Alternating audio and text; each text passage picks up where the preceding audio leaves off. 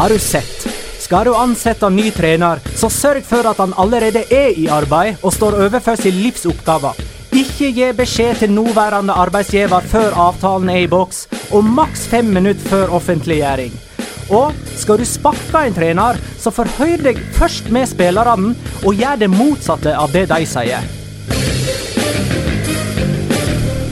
La liga loca. En litt gærnere fotball.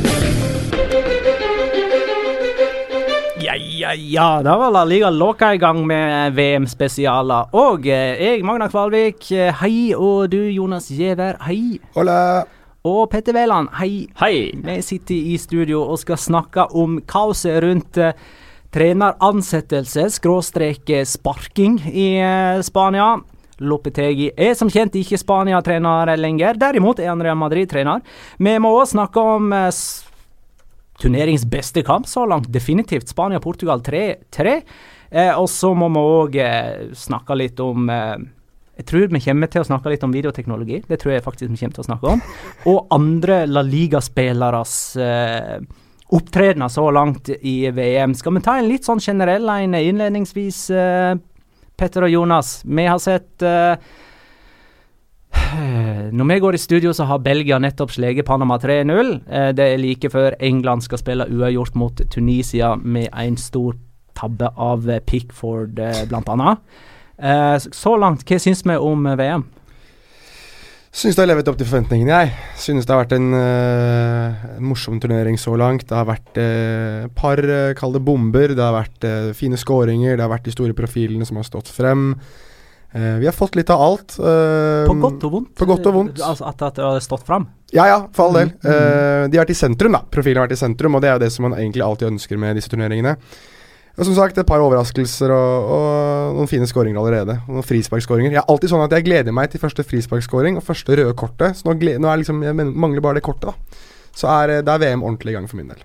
Og med frisparkmålet til Kolarov så har vi vel like mange frisparkmål dette VM som i forrige VM til sammen? Ikke noe sånt? Det kan stemme. Kan hende jeg ikke traff helt spikeren der, men jeg, jeg mener jeg hørte noe sånt. Petter? Kolarov, Cristiano Golovin. Ja. Mm. Mangler Og jeg lurer på om det var bare tre direkte frisparkskåringer i VM 2014. Men uh, den, siden dere ikke var helt med på den, så kan det godt hende at jeg har hørt feil. Nei, men det kan godt stemme, det. Men eh, du er enig med Jonas da, i oppsummeringen så langt? Ja, jeg er fornøyd, jeg òg.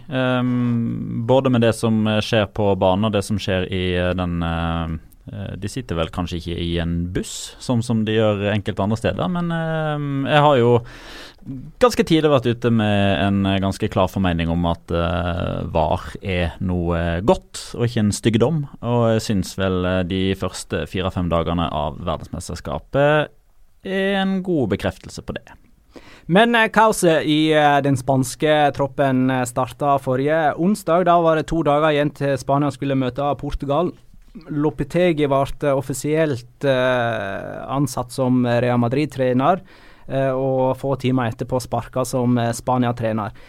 Det jeg lurer på, hvorfor gikk Real Madrid plutselig ut med offisiell info om at han var ansatt? Det var fordi uh, Julen Lopetegi fikk eh, relativt klare antydninger og signaler om at noen i den spanske VM-troppen som ikke spiller for Real Madrid, hadde fått nyss i at Lopetegi skulle ta over Real Madrid etter VM. Eh, og for å unngå at dette kom ut eh, på feil måte, eh, at det begynte å bli rykt, rykter og spekulasjoner og sånne type ting, så tok han en rask telefon til eh, enten via sin agent eller direkte til eh, Perez. Jeg regner jo med at man har nummeret til eh, presidenten når man blir trener i Real Madrid. Så kan det hende at han ringte direkte sjøl og sa at eh, nå, nå er de i ferd med å, å lekke, så hvis vi skal være hands on, så må det ut nå. Visste Real Madrid-spilleren som du snakker om, at han var ansatt for, som Real Madrid-trener, men ikke forbundssjefen eh, Rubiales? Ja. Så han visste ikke det, de men, Real Madrid-spilleren visste det. Ja, noen Real Madrid-spillere visste det. Blant, Ja, blant annet. Sergio Ramos eh, visste det, og, og dermed òg eh, en del av de andre spanske Real Madrid-VM-spillerne, som det jo er seks stykker av.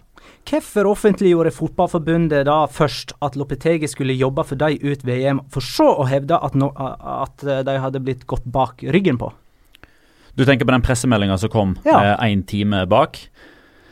Altså etter at Real Madrid har offentliggjort det. Ja. Jeg regner med at det er hastverksarbeid, for de føler at dette må ikke stå ubesvart. Det må, du må komme med et eller annet. Samtidig så er det jo sånn at uh, Luis Rubiales var jo på en Fifa-kongress i Moskva og skulle vel levere si eh, stemme på vegne av det spanske Mm. fotballforbundet eh, i forbindelse med tildeling av VM i 2026. Men han eh, forlot jo det eh, arrangementet så fort som overhodet mulig og satte seg på raskeste fly fra Moskva til Krasnodar. Så det er ikke sikkert at han var involvert i den prosessen engang. Her var det bare pressesjefen som tenkte at her må vi få ut noe fort som bare juling. Sånn at, ikke, sånn at det ikke ser ut som at vi er handlingslamme eller ikke følger med eller ikke har betalt internettregninga. Men eh, ja, da tyder jo alt på at Lopitegi skrev under en avtale med Real Madrid og visste at det spanske fotballforbundet ikke visste det. Det stemmer. Og det er han eh, per lover og regler eh, helt fri til å gjøre. Men jeg syns jo det er det som er feilen oppi det her, som gjør at kaoset blir så stort som det blir. Det er ikke det etisk riktige å gjøre, sånn som jeg ser det. Nei, bare ta oss gjennom det, for Robiales er jo nylig tilsatt som uh, sjef for det spanske fotballforbundet òg. Ja, og der ligger sakens kjerne. Og det er litt underkommunisert, uh, syns jeg. Det er, det er mange som, uh, som bjeffer veldig høyt, men som ikke nevner dette her som en faktor i det hele tatt. Uh, Luis Robiales er tidligere eh, president i AFE, som er spillerorganisasjonen. Det er som om Joakim Valtin skulle blitt norsk fotballpresident, for å eh, bare dra en norsk eh, parallell. Eh, De siste 20-25 årene så er det Angel Maria Villar som har sittet som fotballpresident. Eh, Hans eh, periode som spansk fotballs mektigste mann endte i fengsel. Hans økonomisjef ble dømt for hvitvasking av penger. Så Luis Rubiales eh, gikk til valg med ganske mange punkter, egentlig, men et av de mest sentrale var at han skulle renske opp i det han eh, definerte som en ukultur i det spanske fotballforbundet, der man satte egne interesser foran forbundet. Og Når man da har drevet kampanje og blitt valgt inn bl.a. på det grunnlaget, og så får man beskjed fem minutter før eh, en pressemelding om at landslagssjefen, som skrev under ny kontrakt med Spania tre uker i forveien, har gått bak forbundets rygg uten å si fra, og har valgt å signere for Real Madrid. og Det blir offentliggjort to dager før VM starter. Han kan rett og slett ikke gjøre noe annet enn å gi Julian Lopetegi sparken når det blir gjort på den måten der. Ellers hadde han jo blitt eh, latterliggjort. og det setter jo òg en presedens. Hvis han ikke hadde handla da, hvorfor skulle han handle neste gang? Og da er man inne i den samme bøtteballetten igjen med at han har en fotballpresident som ikke står for det han mener, og det han har lovt. Hvorfor spurte han da spillerne til råds? Go- Godt spørsmål. Jeg, jeg tror Robiales egentlig bestemte seg med en gang han hørte dette. Men han har folk rundt seg som eh, i alle fall eh, anbefalte han om å vente til dagen etterpå, eller sove på det. fordi det er jo ikke sånn at dette her var gjort i, i november, med neste landskamp fire måneder unna. Det som gjør hele den be situasjonen så betent og, og, og ekstrem, egentlig, er jo timinga. At det er to dager før VM starter. Men han var, han var fast bestemt. Eh, Enkelte prøvde vel kanskje å, å få han til å forstå at hvis du sparker han nå, så fører det bare til enda mer kaos. Og, og jeg tror vel det var i litt større grad spillerne som fikk tak i han og ga beskjed hva de mente, mer enn at han nødvendigvis eh, satte seg ned for å ha allmøte og håndsopprekning. Kaos der, altså. Det var det. Var det. Eh, Spania har lært at mange eh, lag som vinner VM, har en veldig ugunstig oppladning. Tenker du på Italia og Calciopoli i 2006? Ja, det de var igjennom òg i 1982, før de vant. Og da Danmark vant EM i 1992, lå de jo på ei strand tre dager før de skulle spille sin første kamp. Og selv om det ikke er en direkte sammenligning, så signerte jo også da Luis Aragonés for Fenerbahçe før han leda EM, eh, eller Spania til EM-gull i 2008. Ronaldo vaklet seg inn i VM i 2002 med en kneskade som de akkurat hadde fått uh, på plass, eller fått ordna, og så ble han VM-konge med å skåre to mål i finalen mot Tyskland. Det var akkurat det kaoset de trengte dette for å uh, vinne. Hva Kunne vi se noe som var annerledes med Spania mot Portugal enn det som hadde vært tilfellet hvis Lopetegi fortsatt var trener? Absolutt ingenting. Nei. Absolutt ingenting. Egentlig ikke. Men ja. Og, og jeg bare tror at det er det som sikkert også var grunnen til hvorfor Rubiales ville ha det møtet kanskje litt også. At eh, jeg tror et av, de, et av de sentrale spørsmålene der er hvis Lopetegi går, hvor mye mister dere da av taktiske eh, lederegenskaper, av eh, forståelse for systemene deres? Hvor viktig er han for at dere skal skjønne hva dere skal gjøre på banen? Eh, for det er ikke alle trenere som er like hands on på all mulig. Spesielt ikke med slike spillere som Iniesta, som Ramos, som Piquet. Så jeg tror at så fort de spillerne mest sannsynlig sa at vi kommer nok til å klare oss greit uten han, så tror jeg det gjorde, gjorde saken mye enklere. Nei, for selv om Ero ikke kanskje er like taktisk skulert, så er han en, en god leder å ha, kanskje. Ja, Og det er kanskje nettopp det de først og fremst trenger på nåværende Og han har vært der hele tida, eller ikke hele tida, men han, har- han har vært i den rollen han hadde som sportsdirektør fra november 2017, og, og han har òg fulgt den spanske landslagsfotballen tett. Eh, Så, så det at han kommer inn eh, nå, det er både helt naturlig og og det, det, riktige å gjøre. Eh, han skal egentlig bare videreføre det arbeidet som Loppetegi og hans team hadde igangsatt. og den den um, utligninga til 2-2, dette frisparktrekket, der Silva og Kåke står med ballen og Busquets går på bakre, Diego Costa trekker seg unna og kommer inn foran opppasseren sin, det var det eh, dødballeksperten eh, i teamet til Loppetegi som lærte de. Og de gjorde det, selv om de ikke satt på benken. Så de gjør jo fortsatt det de har blitt lært opp Ja, til å gjøre. Det er det jeg mener. At Ja. det, det er kanskje ikke så nødvendig at de har den gallionsfiguren på benken, da. Men før vi går eh, nærmere inn på Spania og Portugal, uh, hvorfor har Real Madrid ansatt Julen Lopetegi? Jeg tror det har litt med å gjøre at han var det sikreste valget, og kanskje også det mest tilgjengelige valget. Det, jeg tror en viktig effekt her eh, for Real Madrids del er det at de måtte ha en trener på plass nå, før VM ble sparket i gang. Altså Da Zidane forsvant, så hadde, var det kampen mot klokka, og det, det er derfor jeg tror at de eh, skrinla planene for å hente Maritzo Pochettino nesten med en gang, for de skjønte at dette her blir umulig, og hvis de skal prøve, så må vi holde på hele sommeren. Eh, For Real Madrid så er det ekstremt viktig å ha på plass uh, treneren sin. Det er ekstremt viktig for spillere som kommer inn, spillere som er på vei ut. Og vite hvilken vei de skal, med hvilken trener som, uh, og hvilken trener som kommer til å være der i forhold til filosofi, i forhold til spillesett osv. osv. Så jeg tror at eh, da, eh, da Pochettino sa nei, da det kanskje så vanskelig ut å få Maximiliano Allegri, eller Massimiliano Allegri som han heter, eh, og kanskje også Antonio Conte, jeg vet ikke, så var det nok Lopetegi mest sannsynlig den neste på lista, som de tenkte at han er per se fans, kan komme inn skal ikke endre på så altfor mye, mest sannsynlig. Selvfølgelig litt spillestilsendring, men han skjønner klubben, skjønner systemet, skjønner hvor stort det er, og har et spillesystem som er veldig kjent og utbredt i Spania. Så det er på en måte, som jeg sier, pair of safe hands. Jeg tror ikke jobben er for stor for han heller etter å ha hatt Spania. Og så er han spansk i tillegg. Det Ja. veier liksom alltid De definitivt. ganske tung når Definitivt. Real Madrid skal se seg om etter ny trener. Men vi forstår det sånn at de er litt nedpå lista si. Ja, de Ja fikk ikke førstevalget, de fikk sannsynligvis ikke andrevalget heller. Eh, og så kan det tenkes Altså, jeg tror noen der gjerne ville gi Goti muligheten, Ja. eh, men at man til syvende og sist kanskje falt ned på at Lopetegi har sagt eh, at han kan ofre Spania-jobben for å komme hit. Det er tryggere valg. Eh, vi går for ham, Mm. eh, kontra eksempelvis Goti. Mm. Så typ tredje-fjerde valget har de nok eh, fått. Men Zinedine Zidane snakka jo om eh, endringer som måtte til, og som eh, han ikke var treneren til å stå bak eller ta hånd om. Mm. Er Lopetegi det, og hva er de endringene? Nei, Det ligger jo litt i, i lufta, da. eh, og er noe av det som gjør at vi er veldig spente på å se eh, Real Madrid-troppen anno 1.9. Eh, hvem som har forlatt klubben, og hvem som har kommet inn. Eh, altså, jeg, jeg tror jo den som i utgangspunktet danser jenka, eller disko, da, for å eh, ha dette håpløse ordspillet, eh, det er jo Isco. Fordi det er en spillertype som har fulgt Lopetegi tett hele veien. Sentralt eh, på U21-landslaget som vant EM i 2013. Eh, det er alltid plass til en Isco i lagene til Lopetegi. Mens hos Zidane så var han eh, Altså Han starta finalen og sånn, men man har aldri snakka om Isco som en som eh, liksom er benkers på laget. Det har alltid vært litt usikkerhet. Isco tjener veldig på dette. Derimot, eh, er det en Bale-type i lagene til Lopetegi? Nei, det har ikke vært det fram til nå. Og han har snakket Jeg Noen gravde fram noen kommentarer fra Lopetegi Nei, den, den stemmer ikke. Er de feil? Det er fake. Ok, Det er da skal jeg ikke si de. Nei.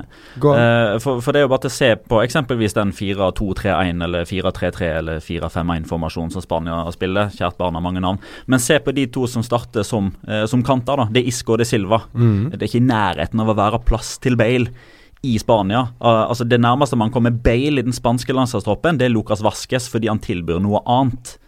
Eh, så med mindre Loppetegi plutselig skal begynne å spille en helt annen fotball enn det han har praktisert som trener tidligere, uh, både for, uh, for det spanske U21-landslaget og for A-landslaget, men også for Porto. Der var det heller ikke en Bale-type. Eh, og når man da vet at Bale har Han aller, allerede uttrykt liksom et ønske om å spille fast. Eh, hvis han ikke får 100% tillit, så vil han se etter andre muligheter. Mm. Så er det vel han av de store stjernene som, som er mest usikker, da. Cristiano Ronaldo, da. Han kommer med den offisielle uttalelsen han annonserte etter Champions League-finalen. Han var ikke det. Men han har fått bot og skal i fengsel i et halvt år. Han har jo, det har jo vært mye saker om han nå nylig. At det er dragkamp eh, mellom Real Madrid og Cristiano Ronaldo om hvem som, eh, hvem som blunker først, som man kan si. Uh, der Real Madrid har sagt veldig klart ifra, i hvert fall til spansk presse, noen har sagt ifra om at vi kommer ikke til å vike på noen ting. Nå får han gi seg. Eh, mens Ronaldo-campen har uh, ymtet frampå om at det, det, det, de, er, de er langt ifra forsoning, men det er ikke så langt ifra forsoning som kanskje folk tror. Men den vinkelen jeg savner her, det er jo uh, Altså, man, man snakker liksom sånn Uh, Altså, i, I motsetning til Antoine Griezmann, da, som faktisk da hadde valget mellom Atletico Madrid og Barcelona. At han ikke har valg. Han har, altså Cristiano Ronaldo har jo ikke et valg. Han har jo, ikke, han har jo ingen i ryggen. Så man kan bare si sånn Ja, men hvis jeg ikke, hvis jeg ikke får den kontrakten der, så kjøper jeg meg ut av kontrakten. Og så, sti, og så stikker jeg. Det er, jo, det er jo ingen. Kan ikke du informere lytterne våre om utkjøpsklausulen til Cristiano Ronaldo? 1000 millioner euro. Og, og det er ikke Det er ikke kødd engang. Det er, ikke, det er en, en milliard euro er utkjøpsklausulen til Cristiano Ronaldo. Så hvis, hvis han liksom skal liksom sette hardt mot hardt, så må noen lese eh, Manchester United eller PSG eh, sette en, eh, en overgangsrekord som, som øker med noe sånt som 480% fra det som er verdensrekorden nå. Og det var Neymar på 222. Det er den vinkelen der jeg savner. For Cristiano Ronaldo har jo egentlig ingenting annet å, å hva skal jeg si, true med enn at han skal være sur. Men eh, det er noen av Real Madrid-stjernene som er gått opp i året, så mange har på en måte sett for seg en uh, fornyelsesprosess gjennom uh, sommeren. Ja, jeg, jeg har jo sagt eh, tidligere, både her og på TV og det som er, at jeg, jeg hadde ikke vært overrasket om dette er Ronaldo sin siste sesong, og at Real Madrid muligens ville vurdert å cashe inn på han nå mens de fortsatt kunne, men det er så utrolig vanskelig å gjøre det da, når han leverer den der ekstreme vårsesongen sin, vinner Champions League igjen, nå har jeg tenkte ikke først og fremst på Cristiano Ronaldo, altså, men eh, Nei, nei, det skjønte jeg, men nå Benzema, ta Jo da, men jeg, jeg tenker han karen på 33 er en, er en som man må vurdere. ja, og, uh, så har du jo Kroos, som er godt over 30 nå. Mo- Nei, Modric, mener jeg. Uh, Ja, Tony Cross er, er Jeg har det greiene jeg har de, de to har jeg en sånn greie med. Jeg tror, alltid, Ramos. jeg tror alltid Modric er mye yngre enn Tony Cross, og så finner jeg ut at Cross vel ikke engang er 30, mens Modric er, blir 34 eller noe i år. Helt sykt. nei, Kroos holder nok en stund. Ja, mest sannsynlig. Ja, nei, det, det ser ut som det er litt sommerjobb på uh, Lopetegi, og kanskje like greit at han har bare én ting å tenke på, da. Uh, De har jo gjort én ting allerede, da. Hei, her kommer det. Fortell. Raúl de Tomàs. Oh, ja. Nei, de har gjort to ting. Rodrigo Gaas fra Santos. Nei! Det er 2019! Hentet, Han eh, fins ikke! De har hentet uh, football manager regen Rodrigo Gaas fra Santos uh, for 45 millioner euro. Han er 17 år gammel, spilt en del for Santos, uh, skåret i i hvert fall i ligaen et par ganger. Eh, Den der, opp, den der overgangen der blir opp, denne overgangen der blir oppsummert med at Real Madrid skriver på nettsidene sine at han kommer når han er gammel nok. Det står svart på hvitt på hjemmesida til realmadrid.com. Rodrigo Goes kommer når han er gammel nok. For 45 millioner euro. Nei, det var det agenten skulle ha det. Men, men kanskje er det like greit at Lopetegi slipper å tenke på Spania og VM, nå som han har Real Madrid-jobben, og uh, Zinedine Zidane, som jo altså takka av, Mhm. eh, annonserte i samme slengen at det, var en, det er en jobb å gjøre der Mm. i sommer. Um, jeg har lyst til at vi skal etter hvert eh, prate nærmere om kamper kampen mellom Portugal og eh, Spania. Men før det så vil jeg bare poengtere at vi, vi har et eh, samarbeid med Riks-TV i forbindelse med disse eh, VM-podkastene her. Vi har tre podkaster. Eh, og eh, Riks-TV er vår annonsør ved, ved samtlige av dem. Og i det samarbeidet så har vi en konkurranse gående der det går an å vinne en Apple TV og Rikspakken, som inkluderer hele Viasport-pakken og HBO, HBO Nordic, for å nevne noe. Og for å vinne det, så kan folk bli med på en eh, quiz som ligger på Rikstv sine nettsider. Vi legger ut link eh, både på Twitter og eh, Facebook, sånn at folk kan eh, klikke seg inn og bli med på eh, quizen. Eh, og ta den quizen. Ta bilde, skjermdump av quizen, og, og send den til oss på, på at La Liga Loca på Twitter og eh, Facebook. Og så er du med i eh, konkurransen om denne eh, ganske så pene premien. Jeg har allerede tatt quizen. Det er sånn at du får 60 sekunder til å svare på så mange spørsmål relatert til VM som mulig. Jeg fikk fem poeng. Det var visstnok ikke særlig imponerende. Jeg fikk beskjed om at eh, den prestasjonen var som en Mini Jacobsen-salto. eh, der man landa så vidt på føttene uten å imponere. Så det er antagelig lett å slå meg. Petter og Jonas skal få lov til å gjennomføre quizen eh, framfor de neste to episodene og se om de gjør det bedre. Jeg vil, jeg vil tro de kan klare det, gutter. Gleder oss til det. Mulig, mulig, mulig. det det hele VM-historien eh, ser ut til eh, som, som blir omfatta av de spørsmålene der. Så det er både utfordrende og litt lette spørsmål, men man har alltid tidspresset på seg, så det er om å gjøre å være ganske kjapp på fingeren. Ja, det høres greit ut, det her. At La Liga Loca Pod er det for øvrig. Mhm. Jeg sa at La Liga Loca. Det er en annen person, det. Det er en person det som heter Tim Standard på Twitter. At La Liga Loca Pod er det dere henvender dere til når dere skal vise quizbildet. Spania-Portugal 3-3. Costa med to mål. Diego, type Costa. Uh, er det et tegn på at han passer inn i, uh, som spiss på Spania? Der har vi vært litt i tvil. Uh, og jeg er fortsatt litt i tvil, sjøl på tross av de to skåringene. Altså, vi, vi må jo være såpass gavmilde her at vi anerkjenner Diego Costa for de to, to skåringene der. Men måten de kommer på, er jo uspanske, da, for å si det sånn. Eh, 1-1 kommer jo etter at Busquets slår en lang ball opp i duell. Som eh, Diego Costa vinner mot eh, PP med, med både lovlige og ulovlige midler. Eh, den andre skåringen er en dødballskåring. Og foruten de tingene der, så, så føler jeg at Spania spiller med keeper, ni utespillere som lar ballen gå seg imellom, og så ser de av og til om Diego Costa liksom er i ferd med å gå på løp eller ikke. Ganske sjelden er Diego Costa involvert i, i det oppbyggende spillet. Det er noen ganger du ser at han liksom kommer ned og, og, og møter og spiller ballen nesten bare direkte tilbake igjen til han som han fikk ballen fra, bare for at han skal føle at han er litt med på laget. Um, kontra eksempelvis da Jeg skal inn, ærlig innrømme at her er jeg uh, veldig subjektiv, som jeg jo selvfølgelig alltid er fordi det er mine meninger, men her er jeg veldig sterk i meningen om at Iago Aspas er den som i utgangspunktet passer klart best, når man ser på måten Spania ønsker å spille fotball på.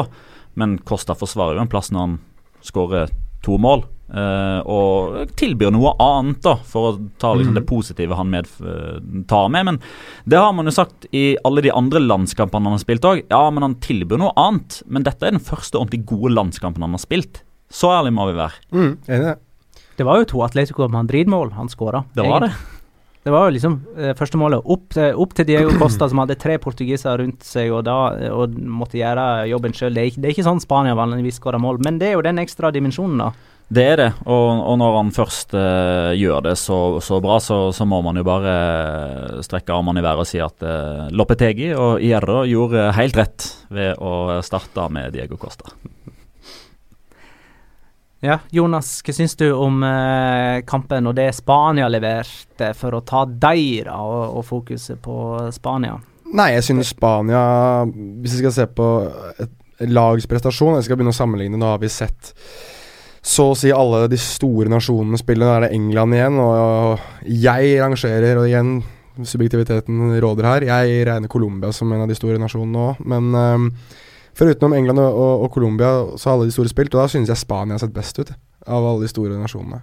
Synes de var veldig, veldig gode. Um, straffespark som kommer tidlig i kampen, Nacho som er eh, litt klønete, og De Gea som eh, er litt slepphendt, og egentlig et fantastisk Ronaldo-frispark. Det er tre mål Det er tre mål som man kan unngå, da, på, på sett og vis. Ja, for det er ikke vanlig at Spania slipper inn tre mål, og det er veldig lett å sette fingeren på problemet ved hver skåring. Ja, Det er eh, I Excel-dokumentene mine så har jeg ei kolonne der det står 'skyld i baklengs'. Mm. Det står et navn eh, i alle de tre. Hvem har du på 3-3? Piqué. Ja, for han gir bort Frisparket. frisparket. Ja. Det er helt unødvendig frispark å gi bort. Ja, det da. sier seg sjøl, Nacho lager straffen. Jeg er med på de, jeg. Og, det, og som sagt, det er veldig utypisk Spania å la tre mål uh, gå forbi. Men så, men så må vi også huske på at dette her var en ekstremt innbitt Cristiano Ronaldo. Altså Det var eh, en Cristiano Ronaldo som tidligere på dagen hadde fått beskjed om at han skulle måtte tilbakebetale flere eh, titalls millioner i, i skatt til den spanske stat. og som alltid klarer å gire seg opp litt ekstra til de der Spania-Portugal-kampene. Uh, han er alltid ekstremt på hugget da, i de kampene, fordi det er vel det der lillebrorskomplekset som portugisere har til spanjoler på, på den iberiske halvøy, vil jeg tro. Uten at jeg har noe ekspertise i det. Men uh, jeg, synes, jeg synes Portugal eh, var solide, mer, mer giftige enn det vi har sett i tidligere. Mye mer giftige enn egentlig hele 2016-EM to, til sammen. Eh, men, men et Spania som, som leverer eh, av høy, høy kvalitet. Sånn foruten eh, La oss være litt polariserende her òg. Eller la meg være litt polariserende. Vi ble selvfølgelig veldig skuffa over Messi, vi ble veldig skuffa over Neymar. Eh, måten de bidro på, eventuelt ikke bidro på. Men den enkeltspilleren som jeg har vært med på å hype opp, både her i La Liga, La Liga Loca pod og i en sånn artikkel i Aftenposten der man ble spurt om hva slags spillere for La Liga det man skal eh, liksom passe seg for i VM. Å, så dårlig Gonzalo Guedes var. Mm, ekstremt dårlig.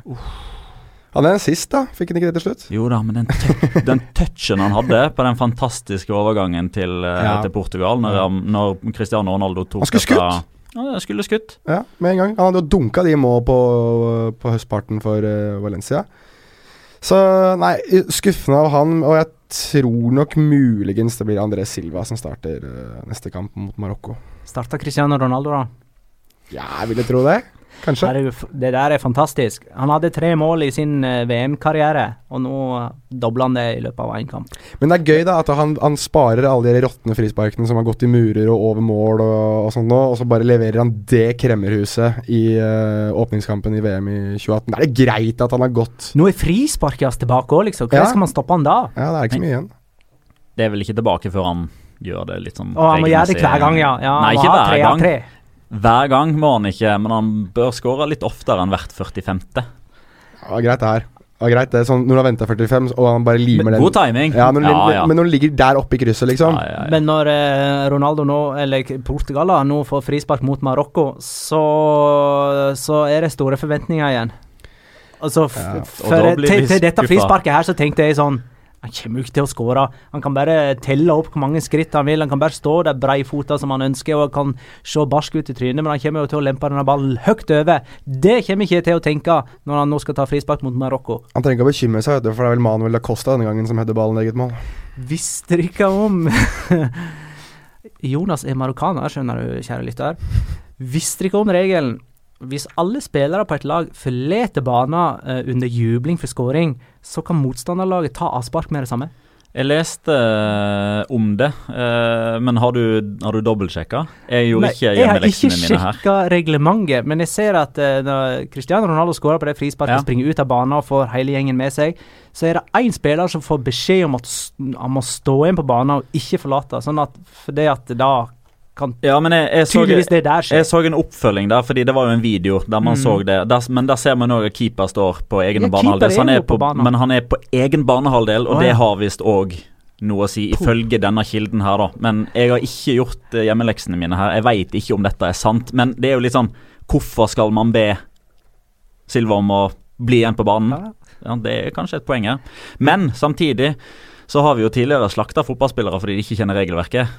Så kudos til den portugiseren som har gjort eh, hjemmeleksene sine her, da. Mm. Eh, da eh, dette kaoset med trenere og sånt uh, oppsto, mista vi da trua på Spania, og fikk vi eventuelt trua tilbake igjen av denne kampen, eller hvordan eh, har, har dette ikke blitt endra i det hele tatt? Altså Jeg må ærlig innrømme at når det sto på som verst, eh, da, da tenkte jeg at det, dette er ikke positivt. Uh, Kunne vel aldri tenkt at det var positivt å miste treneren sin to dager før VM, vel? Uh, Thomas Alonsero gjorde det. I El Chinigito. Han mente dette var positivt. Fordi, jo, fordi, jo, fordi nå, nå, skulle de, nå fikk de enda mer samhold i gruppa og sånn type ting. Eh, Litt sånn som du Sånn du snakker om her Italia før. 82 og 2006. Litt, litt sånn som du snakker om i studio Danmark før vi gikk her, at noen ganger så er du uenig bare for å være uenig. Noen ganger, ja. Er du men det- djevelens advokat nå? eh? Ikke pre Vet du hva, Hvis de begynner å sammenligne meg med Thomas Roncero, så går jeg ut den døra der. Altså, Jeg sitter ikke her og hører på dere snakke, snakke om meg i samme ordelag som Thomas Roncero. Da da, men for å prøve å forklare meg litt bedre, da. Eh, så tenkte jeg at hvis, eh, hvis, hvis man fikk noe effekt ut av dette, her, så var det negativ. Men da tenkte jeg i utgangspunktet hvis man beholdt Lopetegi. For jeg fikk spørsmål fra det der, altså hva har dette å si for Spania at Jolain Lopetegi blir Real Madrid-trener? Mm. Og da tenker jeg sånn Nei, altså han, han kommer garantert ikke til å ha 100% fokus på Spania. Det, Det hadde vært helt umulig, for han hadde fått telefoner hele tida med ting han måtte ta stilling til, mm. som han hadde brukt tid på. Kverna går, og du er ikke 100% fokusert på den jobben du hadde. Men så var det jo ikke Lopetegi som skulle ha dette ansvaret likevel. Nei. Så var det jo i tillegg det, dette Hva tror du alle, for alle Manchester United-supportere tenkte med en gang Lopetegi var uh, Real Madrid-trener? Ja, De Gea skal være At De Gea skal Russland være en måned i Russland med Lopetegi som skal ta over Real Madrid. Altså det, det hadde jo blitt sånn hele sommeren. Så det er jo Det er jo Altså, hva skal jeg si for noe? Det, det, det er jo Han kunne klart å holde på dette etter VM, det kunne de jo ikke. Men det er det eneste jeg kunne forestilt meg som kunne ha vært uh, en slags form for forløsende effekt. Men selv da hadde jo Lopetegi sittet og visst det. Så nei, det Ordentlig suppe, og jeg synes det er uprofesjonelt gjort av, uh, av Lopetegi. Men vi har tro på Spania, eller? Ja, sorry, de, mist, de, vi, gikk ut med en annen digresjon. Ja, jeg, jeg, tror, jeg tror på Spania. Jeg tror ikke de vinner VM, men jeg tror, jeg tror uh, du fort kan få det i en finale. Vi, vi kan eh, for så vidt ta litt mer om det eh, på torsdag. Eller Mm. vi spiller inn vår neste episode på torsdag, og da veit vi kanskje litt Har vi kanskje litt bedre inntrykk av hvordan det tablået kommer til å slå, se ut til utslagsrunder. For Ja. akkurat nå så er det faktisk veldig spennende. Alle Eh, på grunn- forhåndstips. På grunn av eh, snublingen til Argentina og Tyskland. Eh, altså det, Kanskje òg Brasil. Ikke i like stor grad, men ja, de spilte jo tross alt 1-1 mot den som var liksom typ nummer to i gruppa, da. Ja. Ja. Så- Eh, jeg tenkte jo mer på altså, vinneren av gruppa til Spania, Ja. vinneren av gruppa til Argentina, vinneren av gruppa til Tyskland og vinneren av gruppa til Colombia. Det er sånn som havner i samme tablå. Mm. på samme side av Ja, tablået. ja. Og nå kan Argentina og Tyskland havne på den andre sida, men så kan jo for så vidt Brasil komme fra den andre sida og øve Ja. på. Så, eh, så derfor så kan vi vente til torsdag med å spekulere høyere i hvordan dette tablået kan se ut. Men akkurat nå, veldig spennende på vegne av Spania. Og det å vinne gruppe B, som Spania og Portugal er i, ser ut til å ha en enorm premie i eh, den langsiktige potten. Akkurat nå. Vi går videre. Vi må snakke litt om uh, Ja, hvordan har jeg lyst til å ta det? Jeg har lyst til å ta videodømming-beten nå, eller skal vi snakke litt om de andre La Liga-representantene? Kan snakke litt om de andre representantene først, kanskje? Ja, da gjør vi det. Uh, det er faktisk sånn når vi sitter i studio, så har tolv av skåringene kommer fra La Liga-spillere, og det er færre enn 30 mål blitt skåra. Så det er en, nesten halvparten av alle mål i VM har blitt skåra av La Liga-spillere. Ja, det er vel 28 mål Nei, 29 mål. Jeg tror det er 29 nå, Ja. eh, før England-Tunisia. Ja, og det er jo tolv eh, mål er skåra av La Liga-spillere. Ja, og nå etter Lukaku så sk- skåra to, så er det to fra, flere fra Premier League, og så er det sikkert noen Premier League-spillere som skårer. men det er ingen serie- ingen serier som er i nærheten Nei, det er det ikke. av, eh, av Russi, det tallet. russisk Premier League er på andreplass, med Ja. fire. Der ser du. Eh, så det har jo f så langt vært eh, et fantastisk VM for eh, oss eh, La Liga-frelste. Mm. Ja, og så, Eh. ja, så har jo Busquets to målgivende, blant annet. Ja, vi holder oss til skåringa der. eh, Ja, hvis dere vil være simple, så er det greit. Men en som ikke leverte, var Messi. Mm. Eh, I skåringsprotokollen i alle fall. Han bomma på straffe. Argentina-Island 1-1. Og dette med Messi og landslag, hva er greia?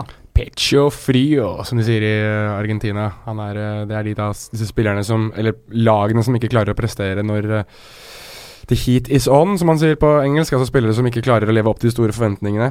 Jo, um, men Messi har levert uh, under store forventninger som Barcelona-spiller. men fotball er ferskvare, Magnar. Og får San Pauli det beste ut av eh, Messi og i det hele tatt dette argentinske laget? Og hvorfor er det ingen kjemi mellom Messi og venstrebekken på Argentina, som det jo er i stor grad på Barcelona? Er det bare for at Tagliafico ikke holder Jordi Alba-nivå? Det er én ting, og så har vel ikke Tagliafico spilt så utrolig mange landskamper heller, så han har ikke hatt noen særlig mulighet til å skape noen form for kjemi med Messi heller. Um, husker ikke hvor mange han har i farta, jeg. Om han har tre eller fire landskamper eller noe sånt. Så det er jo Det er jo det som kanskje er mest skuffende da, med, med San Pauli sitt laguttak. At det er egentlig ganske mange spillere i denne troppen som ikke har noe særlig landskamper i det hele tatt. Um, Taliafico blant annet. Uh, Maxi Mesa som startet, spilte vel kun sin andre eller tredje landskamp. Uh, keeperne som er nå i den troppen her, altså Willy Caballero hadde jo en horribel kamp, og han har vel sånn type åtte landskamper eller noe sånt nå. Så det er jo mange, altså det er mange spillere som ikke har spilt noe særlig for Argentina. Uh, og så har du da fortsatt Javier Mascherano som skal være ankeret på midten, og han klarer jo så vidt å bevege seg. Stakkar. Så han var ikke god, syns du? Nei. Jeg synes, han, jeg synes han er god når han har ballen, og når Argentina har ballen, men jeg synes når de, når de forsvarer seg, så syns jeg det er altfor åpenbart at han ikke klarer å demme opp for kontringer, f.eks., på samme måte som han gjorde før. Jeg eh, fikk ikke sett hele denne kampen, eh, men jeg syns det var rart å se det ut uteværende Hva blir det? Det fraværende høye presset til Argentina, som jeg jo hadde forventa under eh, San Pauli, som mm. han er kjent for det. Eh, I stedet så ble de tatt på senga av et høyt islandsk press når de skulle spille ut uh, fra egen femmeter. Jeg ble overraska over den manglende kjemien offensivt. Altså at Messi ikke så ut til å klare å kombinere med, med spillere, og så var Banega på benken. Og hvor blir jeg, Ole, jeg skal starte en? Skal, skal jeg prøve Altså Jeg tror at det presset, presset kommer nok litt av at det, det, en, at det er manglende mobilitet i midtbaneleddet til, til Argentina. Jeg, altså Lucas Bilia og, og Javier Macerano er ikke Det er ikke to spillere du har lyst til at det skal uh, spille i et høytpressende lag, egentlig. Jeg tror at han helst hadde lyst til å ha Fernando Gago, som er langt mer bevegelig enn Bilja og har litt mer av den der uh, fighter-egenskapen på midtbanen, men han er dessverre fortsatt skada. Og så har de ikke funnet noen ordentlig god erstatter for uh, Javier Mascherano. Det er ingen som har liksom, steppet opp og tatt den rollen. Da. Jeg tror mange hadde håpet at f.eks. Mathias Kranewitter, som vi husker fra både Sevilla og Atletico Madrid, kunne vært klar for et mesterskap, men han er jo ikke i nærheten av å være på det nivået. Uh, når, og Det er da grunnen til hvorfor du ikke presser høyt, for da har du et ekstremt stort bakrom. Uh, og Rojo og Otamendi er gode robuste, men er også litt sånn rush of blood to the head, og vi klarer ikke helt alltid å time taklinger og hodedueller. Når det, til, når det kommer til det offensive, så tror jeg rett og slett også at de møtte kanskje det, det laget i, i, VM som er best rusta og kompakte og taktisk forståelse av hvordan de skal forsvare seg mot et sånt lag. Island er veldig vant med å ligge dypt. Veldig vant med å kontre. Og en ting som jeg synes Island skal roses veldig for i form av det å stoppe Messi, er det jeg alltid har ment at er den mest Uh, effektive måten er det at ja, han kommer til å gå forbi én mann, men da må nestemann bare være i med én en eneste gang i situasjonen. Han går forbi én, rett inn med nestemann. Hellas gjorde det i 2010 også. Og da gikk de jo nesten rundt og beklaget seg til Messi for hver takling. Og var litt sånn Ja, ja, men vi får ikke stoppet deg på noen annen måte enn å, enn å takle deg og være to mann i deg hele tiden. Så det gjorde Island, uh, Island veldig veldig bra. Og så er, vi, kjenner vi jo Island som et lag som er veldig veldig effektive offensivt. De er litt sånn landslagets svar på Atletico Madrid. Uh, og det viser de til gangs denne gangen også. Og det synes jeg var veldig imponerende. Island var ikke et blaff i 2016. Det virker ikke sånn i hvert fall. De har et tiår, ass. Men for å ta en ting til. uh, for vi, vi, ble jo spurt om dette på Twitter, og jeg fikk en sånn uh, En som ville at jeg skulle forklare litt om byttene til, til Jorge Sampaoli, hva han egentlig tenkte for noe. Mm. Og jeg synes at det byttene er ganske, er ganske innlysende. Han bytter inn først uh, Banega for å få mer uh, bevegelse i midtbaneleddet. En som er mer uh, initiativrik og kreativ offensiv i banen. Prøve å skape ubalanse i Island med en som har lyst til å prøve å bryte linjer. Det fikk de ikke helt til. Derfor introduserte de Christian Pavon, som er en uh, Skal for noe mer sånn enkelt sånn all action-spiller som kan få, få ting til å skje alene. Ute på Eh, venstresiden. Han er jo da høyrebeint ut på venstresiden for å isolere Messi mer ut på venstresiden. Det gikk ikke så bra, det heller, selv om Pavon muligens skulle hatt et straffespark. Det kan vi sikkert komme tilbake til på, når vi snakker om videodømming osv. Og så siste byttet hans var å sette inn på Iguain for å prøve å dytte den der Island-linja enda mer bakover, men problemet var jo da at Iguain egentlig ikke er så bevegelig som han hadde håpet på. Og derfor klarte ikke å rive, øh, rive taktisk godt, smart og kompakt Island ut av system. Så alle byttene ble gjort med viten og vilje, tror jeg, og, og med en klar taktisk plan. Men uh, Island er Island, og du kommer ikke alltid forbi uh, den, uh, den, armadaen av forsvarsspillere som de setter bak ball. Kred til Island òg. Veldig kred til Island. Altså, det, det, er på sin plass, det. A fram. Brasil-Sveits 1-1. Coutinho har funnet en måte å skåre mål på. Vi må forresten bare ikke glemme at Messi er jo ganske dårlig på straffer. Så det er ikke så overraskende at han bommer. Brasil. Det, det er helt absurd, altså. Hvordan en så god avslutter kan være så dårlig fra 11 meter. Er det- Han får tenke, han får tenke, vet du. er, det Det gjør han ikke i et han er god til å tenke, han, altså. er det tre av sju eller noe sånt da, som han har uh, scora på? Av de siste? Ja. Ja, det har jeg ikke, men han har uh, Inkluderer det den pasningen han hadde til Suárez, eller? Nei. Nei, han har tatt mer enn sju straffer siden februar 2016. For det er jo en straffebom, det òg. Ja, det er faktisk det. Men Men han ligger på under 80 uttelling. Men for å ta den der Coutinho eh, Nå er Brasil-Sveits 1-1. Ja, men det, det Coutinho-målet Jeg har funnet ut hva Altså, han er eh, han har, han har det ene greiene som Arjen Robben har. At du vet alltid at det der skuddet eller den der uh, vendinga eller det, sånt det, det kommer. Du vet at det kommer, men du klarer bare ikke å stoppe det fra å skje. Han har liksom funnet en sånn Og så er det litt uh, sånn skudd i hjørnet sånt, som også Arjen Robben hadde og har fortsatt. Men det er litt det der greiene der. At du vet at det kommer til å skje. Det er bare ingen måte for deg å stoppe det på. Første gangen jeg har hørt sammenligningen Robben Coutinho. Men den er interessant. Ja, det er bare det, det, er bare det at de har et sånt go to move, da, som, er, som jeg syns er litt kult. Og selvfølgelig en uh, utsøkt scoring. Men igjen, et Brasil som tar ledelsen, og som jeg synes at det bare faller sammen jeg, etter de scorer. Mm. Syns ikke at de virker som de gidder noe mer. At de tror at de skal kunne coaste inn til en 1-0-seier over Sveits. Og så altså, Har du sett den scoringa til Steven Zuber? Som står, han står jo bare helt mutters aleine foran målet der. Det er greit nok at Seferovic beveger litt på seg, men det er, det er fire mann rundt han som står og ser på hverandre. Altså utligningen til Sveits. Miranda blir jo dytta i ryggen, og det er derfor han Men ikke det er jo et fantastisk uh, stillbilde av det. Det, Ja. det ser ut som det er seks uh, brasilianere Ja. og bare én sveitser uh, der Uh, Ja, ja, det, det er dårlig, det er dårlig defensivt, men grunnen til at han står liksom så alene når han header, er jo de armene i ryggen som han da faller ned til slutt på. Det er ikke clear error fra dommeren å ikke ta den. Derfor blir skåringen stående. Sånt skjer på alle kårene. Du har alltid litt dytting og knuffing og sånt nå. Du har det. Og, men jeg syns også at det egentlig dårlig keeperspill òg. Hvorfor ikke, hvorfor ikke alle sånne ute der og prøve å rydde opp heller? Det er Jeg, jeg tipper det er fordi øh, Og jeg skal ikke si det ordet. Uh, innlegget er så knallhardt. Serven, Ja, det du skulle si? hysj. Ok. Ja, det kan godt være at det, at det har noe med det å gjøre. Det kan godt ta det, men jeg synes uansett at det er eh, vanvittig svakt av Brasil, som har eh, blitt hyllet for å være så taktisk gode og defensivt rusta etter De husker jo 7-1 mot Tyskland, 3-0 mot Nederland eh, i 2014-VM, og hvordan de skulle bli bedre på det. Uh, og så er det litt tilbake til, til gamle flauser. Så det kan være at dette her er litt sånn som Spania, da. At det er et slags wake-up call uh, inn uh, mot resten av mesterskapet. Det pleier å være et sunnhetstegn at man bønner litt. Ser, litt dårlig, litt svakt. du, ser, du ser fortsatt ikke noe annet mulig utfall av VM Nei. de? Nei. Jeg har sagt Nei. Ja. Det går ikke an å- Nei, Nei, se på det. noen som kan slå Brasil. Jeg må double down på det jeg nå, men det er litt sånn som de som trodde at eh, Tyskland skulle danse seg til eh, VM, og så Hei, hei, Chuki Lozano som eh, Jeg falt ned på Tyskland som VM-vinner, men hadde 1-1 eh, som tips i, i kampen mot Mexico. Så du nasjonalsangen til Mexico? Så du ikke Charito? Han gråt nesten. Nydelig. Men hør her. eh, Markus Kristiansen har sendt oss en eh, tweet der han har rangert de beste kampene så langt eh, i VM. Portugal-Spania 3-3. Det Er den beste. Er det, ok, mm. Nummer to Argentina-Island 1-1. Og nummer tre Tyskland-Mexico 0-1. Jeg ville bytta de to Ja vel, jeg òg. siste. Ok, men hva med Russland-Saudi-Arabia? Nei. Jeg syns det mangler spenningsmomentet. Altså, ja, fem det vi, Plusset er jo her er fem skåringer. God stemning på tribunen. Og Cheryshev. Cheryshev, som showa mer enn noen andre i dette verdensmesterskapet så langt. Altså, jeg har delt ut gullballen og gullstøvelen til han allerede. er det noen som forstår hvorfor Cheryshev ikke starta for Russland? Han spiller ikke russisk fotball til vanlig, så de ser han ikke spille fotball. Helt absurd. For en fantastisk spiller. Jeg likte han siden Real Madrid-tiden. Jeg føler han var en undervurdert Real Madrid-spiller. Kan se den.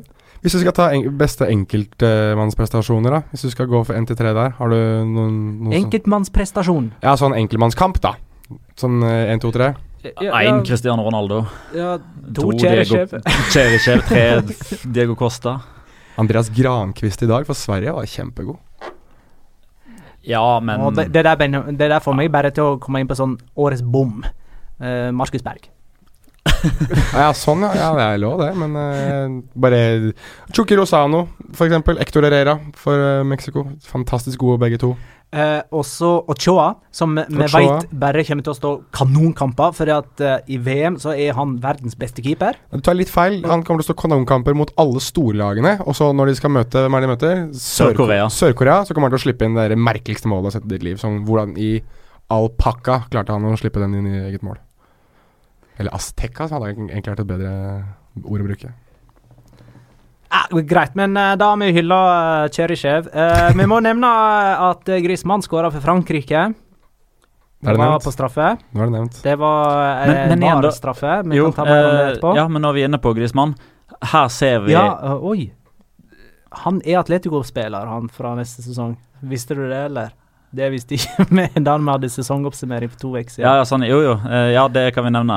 Ja, han valgte Atletico Madrid. Vi, vi snakker ikke mer om den videoen. Men hadde Cristiano Ronaldo blitt tatt av for Portugal på stillinga 1-1? Hadde Lionel Messi blitt, av, blitt tatt av uh, for Argentina på stillinga 1-1?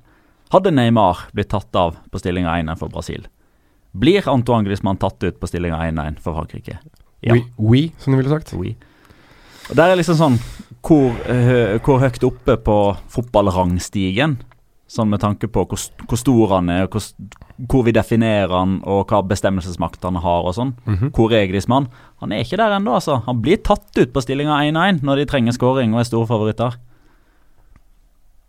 Mm. Ja, nei, jeg, jeg har ikke noe å argumentere deg imot her. Eh, ellers så skåra jo Modric da for Kroatia. Mhm. Kontrollerte midtbanen, eller? Mot eh, Nigeria, da Kroatia vant 2-0. Unnskyld å si det, men jeg, det er ikke sånn vi burde si under VM, men det var en dritkjedelig Vet du hva, jeg sovna faktisk. Men jeg har en unnskyldning, og det var at jeg sykla styrkeprøven tidligere på dagen. Nei, Det er ikke noe altså, du Det tenker- er en unnskyldning. Nei, du trenger ikke unnskylde deg, for det var Ja. dritkjedelig. Vent litt nå. Når sykler du opp den der lange bakken fra, fra der du tar av til, til Kjeller og Gjelleråsen? Eh, og E6 på Ja. E6. For jeg syns jeg så deg, skjønner du, for jeg kjørte nordover der. Ja, Rundt sånn klokka Hvor mye kan det ha vært da? 6-7-ish. Oh, ja. Nei, det oh, ja. var seinere på kvelden. ja. Ok. Nei, da, da var ikke du i den gruppa der. Jeg var ikke i den gruppa der. Eh, det var mange som starta ikke men, Jeg starta på, fra Lill- Jeg sykla fra Lillehammer til Oslo, og det var folk som starta etter meg eh, på, i, i Trondheim, som henta meg inn igjen og var i mål.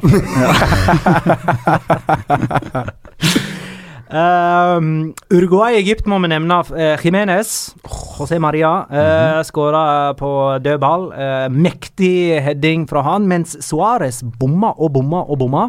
Mhm. Eh, fått mye slakt, kanskje. Eh, Jeg veit ikke om det er fortjent. Altså, jeg mener Han kommer til disse sjansene og er jo der han skal være gang på gang, men han bomma eh, sånn som han har gjort eh, i store Ja, ofte for Barcelona òg. og igjen så blir jeg overraska over at folk er overraska. Mm. Ja, altså, ja, så- har man ikke sett Luis Suárez spille fotball de siste seks årene? Altså, Han er jo den spilleren som skårer flest, men han er jo nesten den som bommer mest òg. Mhm. Altså, han brenner så mange store målsjanser. Det er At riktig. det effek altså, effektivitetsprosenten hans er jo Altså, hvis den hadde vært eh, Altså, hvis han hadde vært like effektiv som uh, en Jeg håper å si en som har uh, Som er midt på treet, da. Så hadde han skåra mye mer. Altså Effektivitetsprosenten hans er langt lavere enn hva han har eh, et rykte på seg for å ha. Han er, han er litt sånn som Diego Maradona sa en gang om seg selv, at han er oblanco blanco og negro. Han er enten svart eller hvit. Altså Enten er han supergod, effektiv og ekstremt uh, unplayable, eller så funker ingenting for han. Så det er, Du får aldri noen sånn spesiell gråsone med Louis Suárez, og det er jo litt nydelig òg, da. Fins det noen der Altså, med bettingselskap i dag så kan man tippe på alt mulig. Fins det noen odds for at han skal bite noen? Det, Ja. Eh, og fins det òg odds for hvem han skal bite? Det veit jeg ikke. Eh, eh, nei, det tror jeg ikke. Jeg tror det er liksom såpass uh, liten sjanse for at han i det hele tatt gjør det. At uh, så lenge han biter, så er liksom gevinsten der. Tviler på at Kielini kan bli bitt i dette mesterskapet her. Han blir ikke beten. Han er jo ikke med, så det Han blir ikke beten, det vet That, bra. That, that's the joke. Ja, det, det skjønte jeg, Ja, Jonas. nettopp. Kan, kan gi meg i hvert fall, i hvert fall sånn Askeladden-latter, da. Nei, du får ikke det. Du får det ikke når du ber om det. Det jeg gidder ikke det mer. Eh, nei, skal vi ta noen uh, kontroversielle situasjoner, eller? Kan Eh, med videodømming involvert? Kan jeg bare få ta én ting fort, for jeg vet at det kommer til å bli nevnt. Ja. Uh, Nordin Amrabat eh, hadde jo en veldig god kamp for Marokko som høyreback. Og det må jeg si at eh, ja, greit til kampen ender sånn som den gjør. Vi trenger ikke å ta noe mer om det for Marokkos del. Men eh, Amrabat eh, med en vanvittig god prestasjon i starten av første omgang, og var eh, det farligste angrepsvåpenet til, til Marokko. Solid stopper det aller meste som kommer på kanten sin også, så han kanskje har en fremtidig karriere som, som høyreback.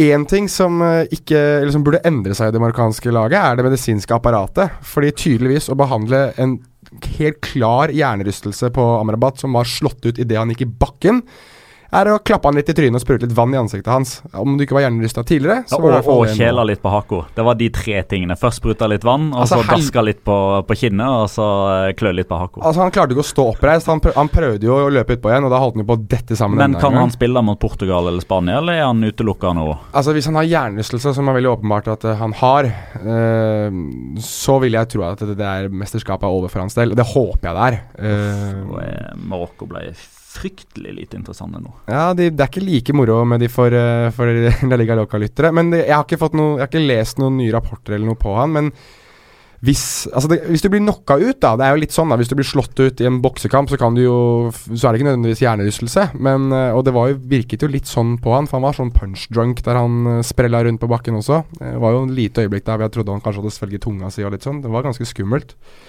Ja, Eh. det hadde vært ukas locora, det der, Ja. om ikke du hadde hatt det trenerkaoset i Spania. Helt enig. Helt enig. Mm. Så, men i fall Skadebehandlingen. eh, gjen- eh, Behandla gjenrystelse med slag i trynet og uh, vassprut. Men vi ønsker god bedring. Uansett eh, hvor eh, lite jeg liker den, så vil jeg aldri se noen ha, ha det vondt og skade seg uansett. Så det er god bedring til Norden Amrabat. Videodømming eh, skal vi snakke om, snakke om nå. Øystein Falk eh, skriver til oss eh, hvor deilig VAR Kosta versus PP-duellen. Hvordan var? Hvor deilig var Ja. den duellen? Jeg det husker kanskje at jeg snakka Eh, nei, forresten, uh, bare stryk det. Det som var, på en måte var litt sånn uh, godt for meg å se, da, var at Pepe, som fikk en arm oppi i ansiktshøgde der, gikk veldig lett i bakken og holdt seg for ansiktet. Veldig ofte så dømmer jo dommere på det der, og det gikk nok PP for.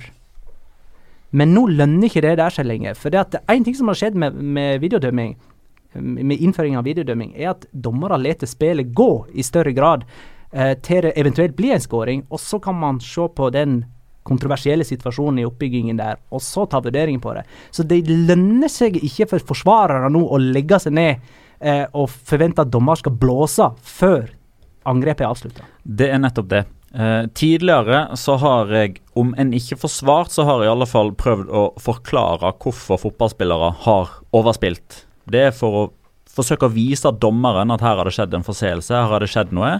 Eh, hvis jeg holder meg på beina, eller hvis jeg liksom bare går liksom typ vanlig i bakken, så er ikke det sikkert dommer tror at det har skjedd noe, men hvis jeg spreller og ser ut som jeg har skikkelig vondt, så kan det hende at han blåser. Det trenger de ikke lenger å gjøre, for nå viser bildene hva som har skjedd. Og akkurat den Pep Costa-situasjonen der, altså vi satt jo og så kampen eh, sammen. Mhm. Eh, å før ballen gikk i mål, så var jo jeg veldig opptatt av å si dette blir, eh, dette blir altså her, her må de se på skåringa. Dette Det blir var. Jeg og du, da når vi så ballen gikk i mål, så satt jeg og du og bare vifta med hendene. Nei, nei, nei, dette blir ikke mål. Dette Ja, ja. blir annullert. Ja, Men det jeg tror skjer her, det er jeg faktisk ganske sikker på det, er at eh, dommer er usikker, men han lar det gå. Nettopp pga. det du har sagt. De har også fått en ins- instruks om å la spillet gå, med mindre de liksom er helt, eh, helt sikre. Dette ser vi i offside-situasjoner òg. Ja. Assistentdommere er veldig seint oppe med flagget, og det er bevisst. Og når da eh, VAR, altså Video Assistant Referee, videodommeren, ser på bildene her, og når han skal bedømme om eh, hoveddommer har gjort en klar feil eller ikke, så ser han en albue. Mm. Altså alle ser albuen. Alle ser at albuen er i halsen. Men PP holder seg til ansiktet. Derfor velger de å godkjenne skåringa. Fordi man ikke skal premiere juks. PP holder seg til ansiktet for, for, for å få det til å se verre ut enn hva det er. Han holder seg et sted der han ikke blir truffet. Hadde PP holdt seg til halsen, så tror jeg faktisk den skåringa fort hadde blitt annullert. Det tror jeg. På samme måte som at Christian Pavon ikke får straffe pga. at han faller på en unaturlig måte. Dommer ser at det er kontakt, men du ser at han løper med en gang bort til Christian Pavon og ber han om å kutte ut det tullet der. Han, de trenger ikke lenger å gjøre det fordi man har videokamera som fanger opp hva som skjer, og gir dommeren muligheten til å se det en gang til. Uh, det var en situasjon og det var Gabriel Jesus, eller Jesus, Ja. for uh, Brasil mot uh, Sveits, der han ble holdt inne i feltet. Mm. Kan det tenkes at det faktum at han kasta seg i en litt merkelig retning, ble avgjørende i hans disfavør? Jeg tror overdrivelser generelt nå kommer til å spille mot. Eh, altså, er, er taklinga eller holdninga eller hensen eller hva det nå er, om forseelsen er Altså Om det blir regna som en forseelse, altså at eh, her er det noe straffbart som har skjedd, da dømmer man uansett. Men når man er i tvil, da tror jeg man eh, bl.a. da eh, tar inn i vurderinga hvordan den offensive spilleren oppfører seg. Eh, og Samtidig så er det jo sånn at her, her får man liksom eh, spørsmål liksom Hvorfor bruker man ikke VAR der? VAR blei antageligvis med 99% sikkerhet brukt der. En såkalt silent check. Der, assist, der videodømmeren som sitter i, i dette studioet i, i Moskva og ser på TV-bildene, gir med 99 sikkerhet beskjed til hoveddommer her er det ingenting å se, spill videre. Da har man brukt VAR, men TV-seerne får bare ikke beskjed om det. Man trenger ikke å stoppe spillet, eller Dommeren trenger i alle fall ikke å springe ut på sidelinja og se bildene sjøl, hvis han eh, har tillit nok Fordi til de det ikke er en clear error, Mm. og ikke dømmer straffe der.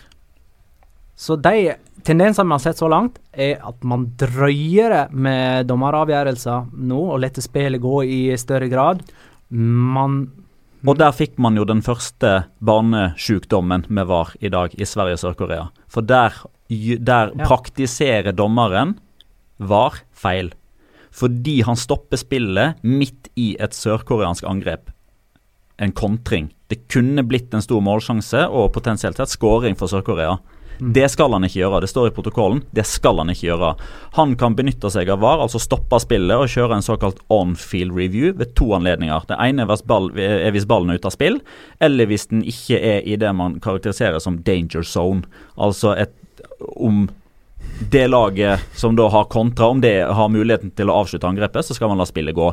Fordi La oss si at Sør-Korea hadde skåra her nå, da.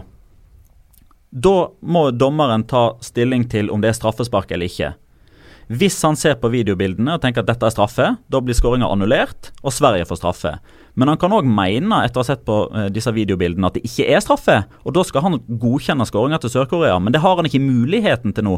Fordi han stopper spillet. Så ved å stoppe spillet der, så bygger han opp under et press på seg sjøl på å dømme straffespark. Hvis ikke så har han faktisk fratatt Sør-Korea en stor målsjanse, og det skal han ikke gjøre.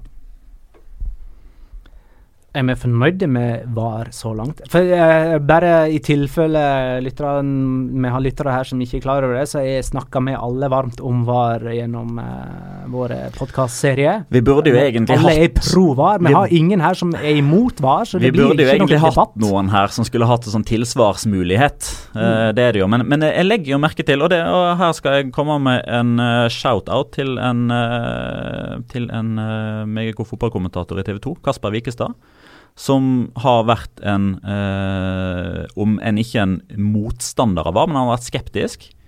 Han har etter de første situasjonene i VM har nå sagt at ja, det er, mu det er mulig det blir litt bedre enn hva jeg trodde at det kom til å bli. Strekke liksom armene i været. Fortsatt ikke tipp topp tommel opp at dette er kjempebra, men man ser effekten av det. Det funker. Mm. Mm. All right, jeg tror vi må runde av der. Vi har en kamp vi skal se. Ja, en vi England, skal se. Tunisia. En av uh, utfordrerne til å vinne VM, men Tunisia må likevel ikke ta lett på England. Det, Skal vi uh, si hva stillinga er akkurat nå? ja, det kan du. Tror ikke Magna vet det, kanskje? Det er 1-0 til England. Det er 1-0 til England. Okay. Ja, uh, men det er perfekt lagt til rette for en uh, keepertabbe der, altså. For uh, Pickford? Ja, og 1-1 til slutt. Eh, for øvrig så har Henrik Wold eh, bedt oss om å sette sammen en elver bestående av én spiller fra elleve ulike land. Uh, og det tenker jeg vi kan gjøre i vår siste vår VM-spesial nummer tre. Da er hele gruppespillet ferdig. Kan ikke vi ta den da? Én spiller fra hvert Sånn- sånn Eh, et, en elver bestående av spillere fra elleve ulike land. Mm. Så, så han presterer bra, da? Eller tenker du på? Ja, ja. Ja, sånn, ja. Mm, ikke sånn som vi hadde på måte på papiret, men som har gjort det bra. For da er det mye enklere. ja når vi har sett hele gruppespillet, Ja, okay. Tar vi med de elleve beste spillerne fra de eh, utvalgte nasjonene som eh, vi lander på. Uh, og så minner vi om at uh, Spania spiller sin neste kamp mot Iran. Det er onsdag. Er Carvahall tilbake til den kampen? Han kan være det. I så fall så er Eh, Nacho benka etter sin perle Ja. og straffesyndeaksjonen. De Gea blir stående i mål. Det har uh, Ja. Fernando Hierro eh, allerede bekrefta. Mm. Eh, det er greit. Jeg tror vi runder der. runder du Og eh, mm, til vår neste episode så kan vi òg nevne det eh, som har skjedd eh, med Segunda f.eks., og diverse nyheter fra La Liga som vi har droppa i denne sendingen. Tusen takk for at du eh, lytta, kjære lytter. Ha det, da.